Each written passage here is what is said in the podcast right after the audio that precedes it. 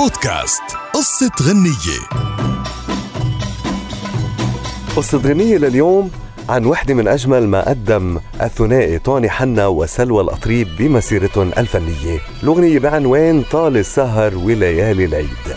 الأغنية اللي تقدمت بمسرحية Sing أوف للفنان روميو لحود عام 1974 وشاركت فيها بوقتها ملكة جمال الكون جورجينا رزق.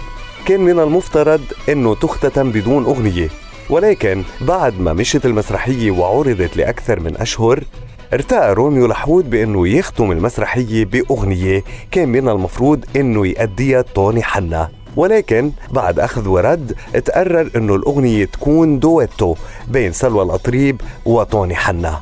المسرحية يمكن ما أخذت الزخم وما أخذت الانتشار اللي بتستحقه ولكن المفارقة كانت بأنه أغنية طال السهر وليالي العيد انتشرت بشكل كبير جدا بعام 1994 واستمرت لغاية عام 1977 من أهم الأغنيات اللي قدمت وبهالإنجاز بتكون هذه الأغنية تفوقت على المسرحية اللي عرضت فيها. طال السهر وليالي العيد نامت عكتف غنانينا يا رايحين بعيد